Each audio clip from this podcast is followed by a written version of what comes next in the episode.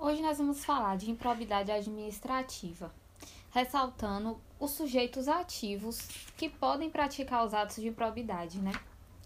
Bom, primeiro a gente vai ressaltar que o artigo 2 e 3 da Lei 8.429 de 92, eles prevê os sujeitos ativos, ativos do ato de improbidade. Pode-se notar é, que quem pode praticar atos improbos não, apenas, não são apenas os agentes públicos, mas também os particulares que atuarem em conjunto com eles. Por sua vez, na lei também traz uma interpretação mais ampla quanto ao conceito de agentes, de agentes públicos, pois havia grande divergência sobre a possibilidade de agentes políticos serem responsabilizados por improbidade, uma vez que já eram submetidos às sanções dos crimes de responsabilidade.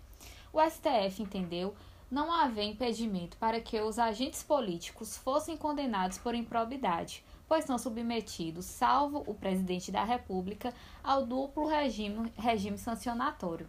Assim, é, o STF diz o seguinte: os agentes políticos, com exceção do presidente da República, encontram-se sujeitos a duplo grau do regime sanciona, a duplo regime sancionatório, de modo que se submetem tanto à responsabilidade civil pelos atos de improbidade quanto à responsabilização político-administrativa por crimes de responsabilidade.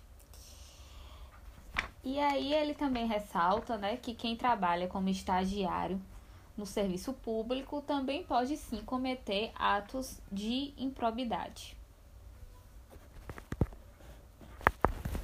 E por hoje é, é só. Hoje iremos falar sobre a importante súmula que fala sobre nepotismo, que é a súmula vinculante número 13, que tem o seguinte teor.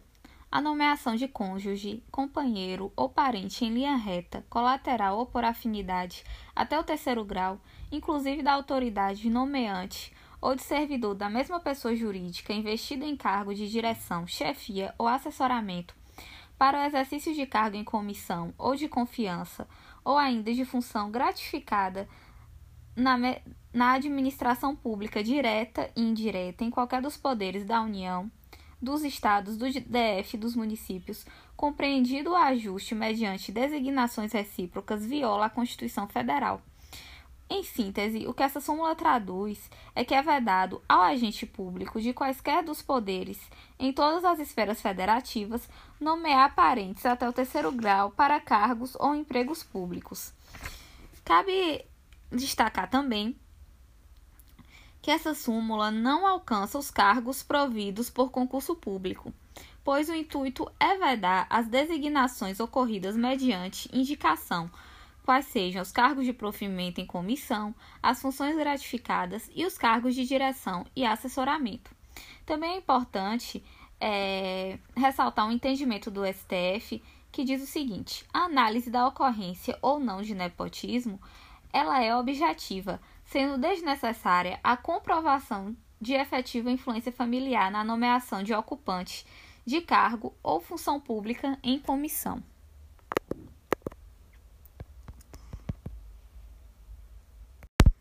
Ao tratar sobre nepotismo, né, é, eu me deparei com a seguinte situação. A gente sempre vê, principalmente interior, né?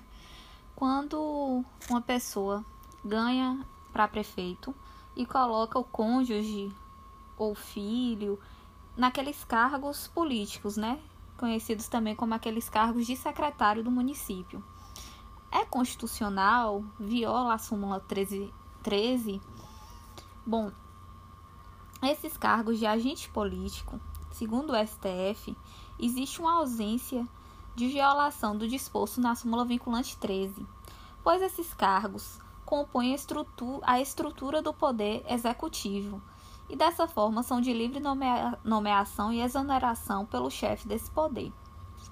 Poderá ficar caracterizado o nepotismo, mesmo se tratando de cargos políticos, quando for demonstrada a inequívoca falta de razoabilidade da nomeação, notadamente manifestada pela ausência de qualificação técnica ou de idoneidade moral do nomeado.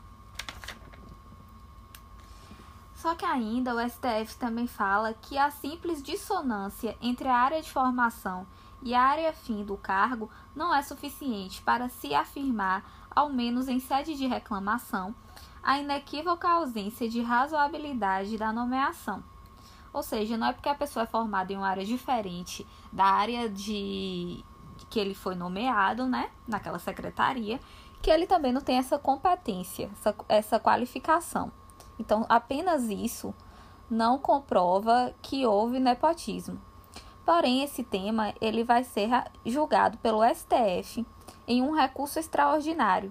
Então, a gente tem que ficar é, de olho.